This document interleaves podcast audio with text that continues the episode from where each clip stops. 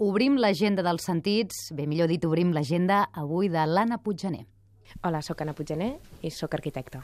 Primer de tot us recomanaria una pel·lícula, eh, Sacro Gra, que la fan al Boliche, un documental que més va guanyar, és el primer documental que ha guanyat el Lleó d'Or de la mostra de cinema de Venècia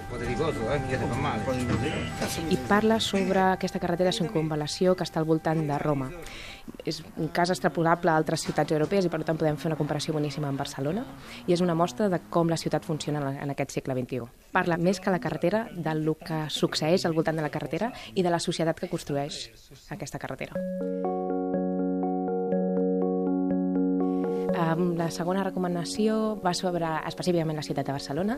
El cap de setmana del 25 i 26 d'octubre succeeix l'Open House, que passa un cop a l'any, i és fantàstic perquè durant un cap de setmana s'obren moltíssims centenars d'edificis a la ciutat de Barcelona i el que és més bonic és que veiem un cop a l'any, podem entrar als edificis i veure l'interior i per tant tenir els ulls urbans però des de uh, l'interior de, dels edificis. Un dels que vaig tenir ocasió de visitar a l'Open House, que no sabia que era visitable, és l'Arc de Triomf, que pots pujar, té unes escaletes a les seves potes i pots pujar a la coberta. Llavors veus la ciutat des de des d'un punt de vista molt més elevat i ara, clar, és, més, és molt bonic perquè veus tot el, el passeig Sant Joan, Ciutadella, és un punt de vista espectacular, bàsicament. Que seus a sopar i la vida deixa de ser el tema.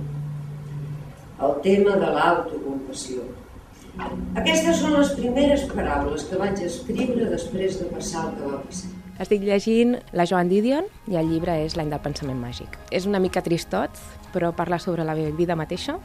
Uh, és el llibre que va escriure després de la mort del seu marit. Llavors comença amb una mort i parla sobretot els següents anys. L'última recomanació és una petiteta exposició que hi ha al Col·legi d'Arquitectes perquè aquesta setmana és la Setmana de l'Arquitectura. L'arxiu ha tret els dibuixos de Josep Maria Jujol i són excepcionals. O sigui, primer perquè no només parla dels seus edificis a través dels seus dibuixos, Jujol no només dibuixava el que estava projectant, sinó que a més a més feia anotacions personals, eh, veus la seva vida evocada a través del dibuix i també doncs, eh, s'afegeixen, ja és com un solapament de moltíssimes coses, aquarel·les, no només és pels amants de l'arquitectura, sinó pels amants de la història de Barcelona i pels amants doncs, de, del dibuix en general.